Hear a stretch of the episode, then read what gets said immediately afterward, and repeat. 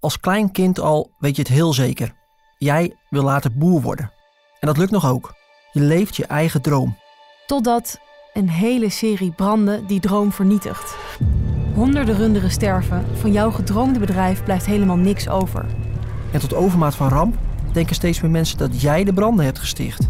Zelfs de politie gaat uit van jou als enige mogelijke brandstichter. Was je zelf echt betrokken bij het vuur? Of draait alles om iemand die dichtbij je staat? Dicht op het vuur is vanaf 24 maart te beluisteren via ad.nl en je favoriete podcast-app.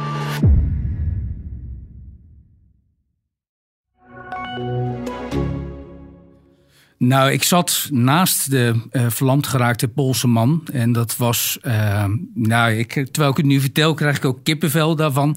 Uh, want hij vertelde in zijn slachtofferverklaring hoe zijn leven echt volledig is veranderd. Hij vertelt, er was een leven voor 25 augustus, wat ik leidde.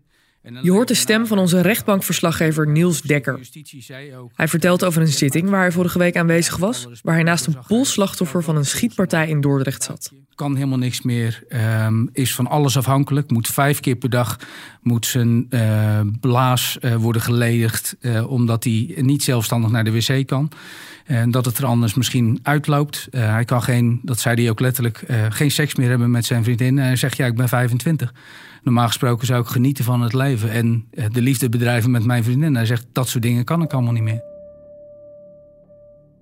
Het is 25 augustus 2021. De Poolse Michael staat met een vriend bij zijn auto te praten wanneer een verwarde man plotseling in Michaels auto stapt. Wanneer de politie arriveert, grijpt de man het pistool van een van de agenten. Um, hij viel als een, zei een getuige als een banaan op de grond uh, en pakte het wapen en richtte dat met twee handen en ging in het wilde weg schieten. Uiteindelijk heeft hij negen keer geschoten en hij heeft op zes mensen echt, ja, al dan niet gericht, uh, uh, geschoten. Een van die mensen is dus ook de Poolse Michael van 25 jaar, die voor de rest van zijn leven met een kogel in zijn rug loopt en verlamd is tot aan zijn tepels. Je hoorde ook de zaal helemaal stil worden. En ik denk dat, dat iedereen in die zaal het liefste eh, een deeltje van zichzelf zou geven om die jongen ook maar iets beter te maken. Uh, het is gewoon diep in diep triest.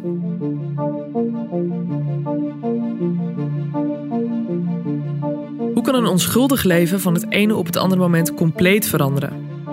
En wie was die man die in verwarde toestand toch het wapen van een agent af wist te pakken? Mijn naam is Emma Thies en je luistert naar de zaak X. Een podcast van het AD in samenwerking met het Podcastkantoor, waarin we wekelijks een spraakmakende rechtszaak bespreken. Dit is aflevering 1. Als een banaan op de grond.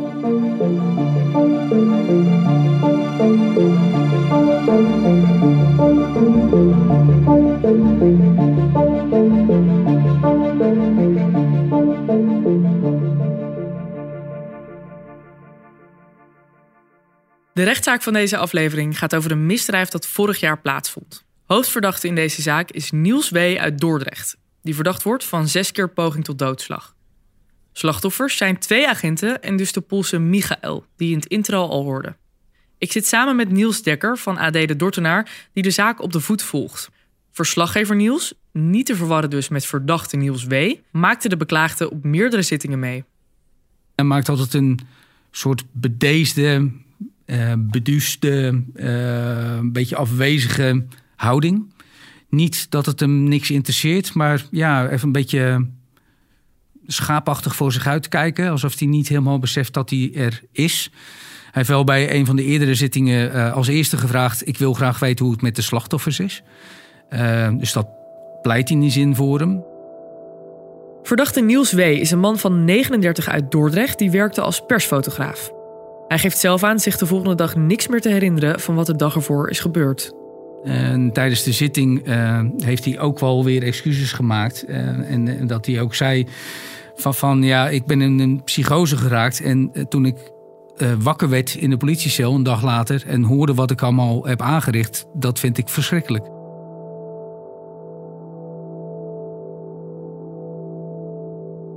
Hij schijnt compleet in de war te zijn geweest. Ja, het is, uh, kwam uitgebreid aan de orde uh, tijdens de ondervraging door de rechters. Uh, hij heeft die dag ehm, contact gehad met zijn ex-vriendin, met wie hij een soort knipperlichtrelatie had.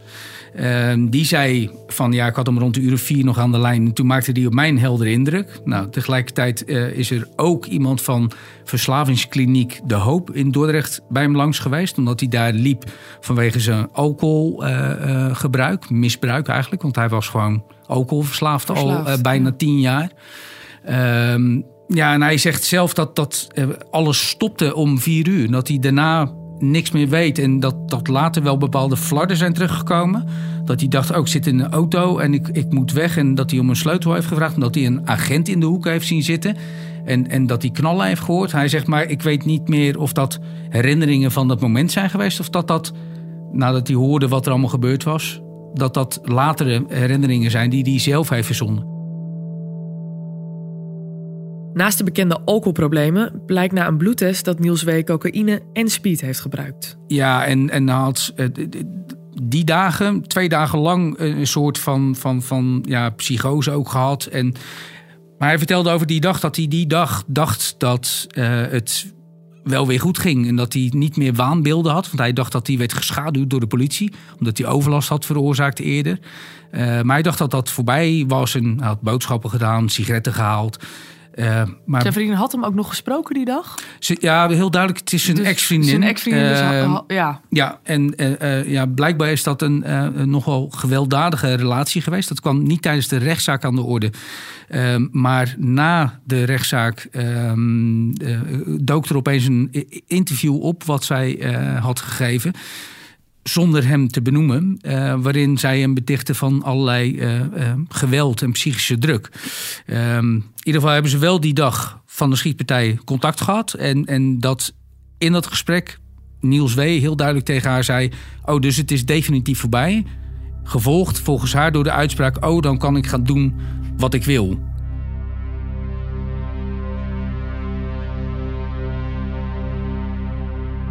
De 38-jarige Dordtenaar Niels W., fotograaf en verdacht van het neerschieten van twee agenten eind augustus in de Delarijstraat. Er stonden heel veel mensen omheen. Er was superveel politie op straat. Uh, overal zwaailichten. De eerste journalist die die avond ter plaatse komt is Amy van den Berg van AD de Dordtenaar. Ja, er waren meerdere mensen die uh, mannen hadden zien vluchten. En dat waren waarschijnlijk de twee Poolse mannen die later ook als verdachten uh, werden opgepakt. En een van hen werd ook neergeschoten. Maar ze werden ook overigens weer vrij snel vrijgelaten, want ze waren onterecht opgepakt. Al vrij snel wordt duidelijk dat niet de Poolse man het vuur opende. Degene die schoot was Niels W. Ja, die woonde een paar straten verderop. In dat huis ben ik ook geweest, een paar dagen na de schietpartij. Hij woont in een, in een portiekwoning. En uh, toen ik daar kwam, uh, heb ik met buren gesproken. En die hebben me ook gewezen op een plafondplaat boven zijn uh, voordeur. die was er uitgeslagen met, met grof geweld. Ik denk misschien met zijn vuisten of iets dergelijks. dat, dat, dat, dat weet niemand. Maar het puin lag nog een beetje op de grond. En vanuit daar uh, zou hij eerst in die straat waar hij woont uh, tegen wat auto's aan hebben getrapt. En uh, daarop hebben buurtbewoners al gelijk de politie gebeld om te zeggen dat dat gebeurde. Maar toen de politie daar aankwam, zou hij al gevlogen zijn. Richting de straat waarin de schietpartij plaatsvond later. In die straat staan de Poolse Michael en zijn vriend Marius, die in de straat woont, naast hun auto te kletsen. Verdachte Niels W. komt schreeuwend op en af, opent de kofferbak en begint gek genoeg spullen uit de kofferbak op de grond te gooien. Als Michael roept dat hij weg moet gaan, wordt hij genegeerd door Niels W., die vervolgens plaatsneemt achter het stuur van de auto. Op dat moment zijn er toevallig al twee agenten in de straat die richting de auto lopen. Als de jongste van de twee agenten vooroverbuigt om hem aan te spreken, weet Niels W. in een fractie van een seconde zijn pistool af te pakken. Hoe kan dat? Zo'n pistool trek je toch niet zomaar uit zo'n holster? Wat weten we daarover? En dat is een groot vraagteken gebleven. Zeker voor iemand die in een uh, psychose verkeert. Hoe je zo'n wapen zo uit het holster hebt kunnen halen. Het kan in Nederland, want het is niet zo. Er is wel eens over gesproken dat het alleen maar wordt ontgrendeld op basis van een vingerafdruk. Er is in het verleden wel eens over gesproken dat dat misschien uh, uh, zou gebeuren om, ter beveiliging. Maar hij heeft in een flitsende beweging heeft hij dat wapen kunnen pakken. En er is tijdens de rechtszaak nooit gesproken over dat die jonge agent misschien zijn wapen al zekerheidshalve had ontgrendeld of misschien niet goed had vastgemaakt. Het is mogelijk om het wapen af te pakken. Uh, alleen ja, dat vereist uh, wel een hele vloeiende beweging. en dat is een, ja. gelukt blijkbaar. De Poolse mannen vertellen dat er iemand in hun auto zit die daar niet thuis hoort. Een van de verbalisanten, de heer loopt naar de auto toe en spreekt de man in de auto aan. En dan volgt er een ijzingwekkend bericht over de porto. Je hoort een opname uit de rechtbank, waar de officier van justitie aan het woord is. Hier de 6302. Mijn vuurwapen is afgepakt. Ik ben geraakt. Er is een, er is een wapen. Dat is een heel bizar detail, omdat eh, er werd echt van seconde tot seconde nagespeeld of verteld wat er gebeurde. Hij trok hem uit de auto. Uh, volgens een omwonende die getuige was, uh, kwam Niels W. daarbij als een stier, als een dolle stier uit de auto. Beide mannen vielen op de grond op dat moment. En op het moment, het werd dreigend voor de jonge agent dat hij zijn wapen wilde pakken. Om daarmee afstand te creëren tussen hem en Niels W. Merkte hij van, hé, hey, mijn pistool zit niet in zijn holster. En op dat moment zag hij dat Niels W. het wapen had. En riep hij heel hard, wapen, wapen. Waarop zijn collega ook direct zijn vuurwapen trok en dat vuurgevecht ontstond. Ja, dus aan beide kanten zijn flink wat schoten afgevuurd. Ja, het zijn uh, uit het wapen dat hij had afgepakt, dat zijn uh, negen stuks. Uh, en ook de andere agent die heeft talloze keren geschoten. Waarbij ja. ook nog is nagegaan door welke kogel uit welk pistool de Poolse man is geraakt. Ja, want dat is niet duidelijk, hè? Nee, dat is, uh, ze kunnen de kogel zit uh, zo in zijn lichaam. Hij heeft dus al die dwarslezen, hij is al verlamd. Maar uh, de kans op complicaties, verdere complicaties is te groot om die kogel te verwijderen. Dus die kogel die op hem is afgevuurd, door wie dan ook, die zit nog steeds in zijn lijf? Ja, en die gaat ook niet verwijderd kunnen worden. Nou, dat compliceerde het onderzoek. Hè, want als je die kogel hebt, dan kun je zien, oh, uit welke wapen komt die. Um, en ze hebben een reconstructie, een digitale reconstructie gemaakt... om te kijken wie stond waar op welk moment en wie heeft hoe geschoten. En ze hebben dus niet met 100% zekerheid kunnen zeggen... dat de kogel in zijn rug uit het wapen komt dat Niels W. heeft afgepakt.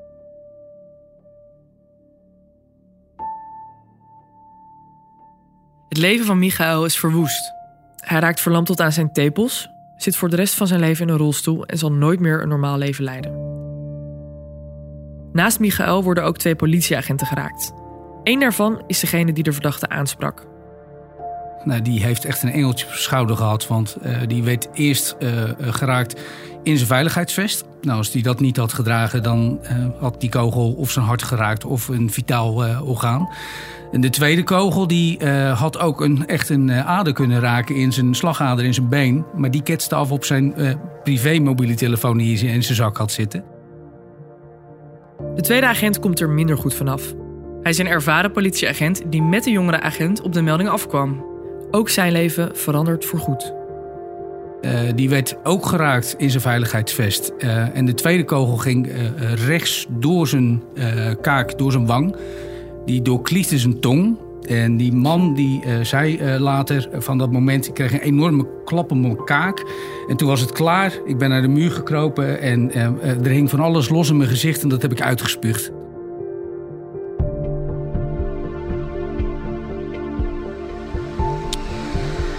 Kijk, mijn cliënt is in wezen een normaal mens. In het journaal van RTV Dordrecht vertelt de advocaat van Niels W. over zijn cliënt. Hij praat normaal, hij denkt normaal, hij functioneert normaal. Een goede fotograaf, hè?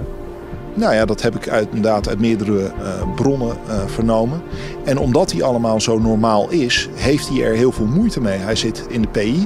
Uh, zijn daad rechtvaardigt dat, maar zijn karakter niet. Hij kreeg het woord tot slot en zijn vraag was ook: hoe gaat het met de slachtoffers? Ja.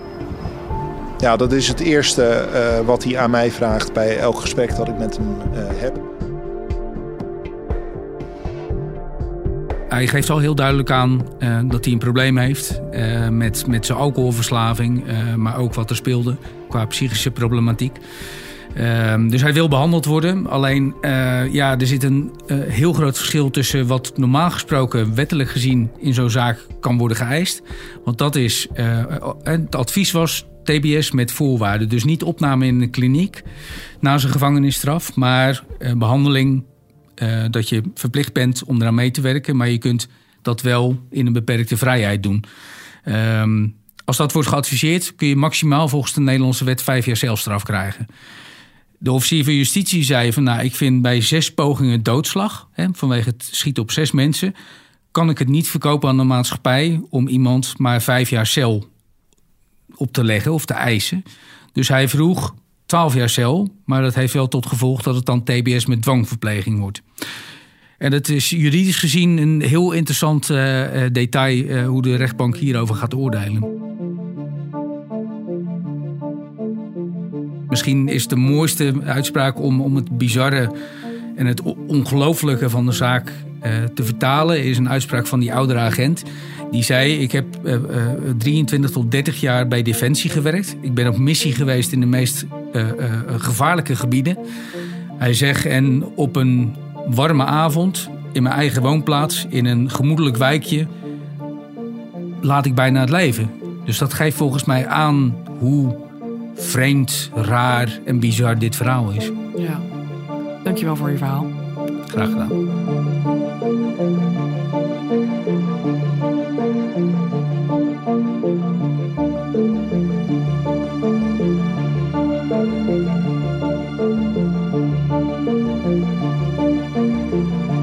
Zaak X is een wekelijkse podcast van het Algemeen Dagblad en wordt gepresenteerd door mij, Emma Ties. Aan deze podcast hebben meegewerkt Joost de Kleuver en David Achter de Molen van het podcastkantoor. Ben je benieuwd naar de uitspraak in deze zaak?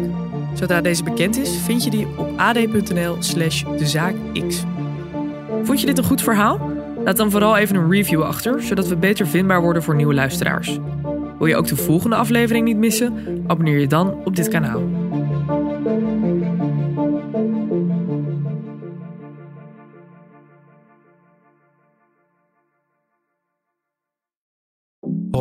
Ik ben Joost Twinkels, radio-dj bij Q Music. Dit is mijn vader Piet. Lieve Joost, je staat nou recht tegenover mij en ik praat nou op twee manieren tegen jou. Ja? Als je dit bandje luistert, dan weet je niet meer dat je hier gestaan hebt. Dit jaar is hij precies 20 jaar dood. En ondanks dat ik me weinig van hem kan herinneren, mis ik hem.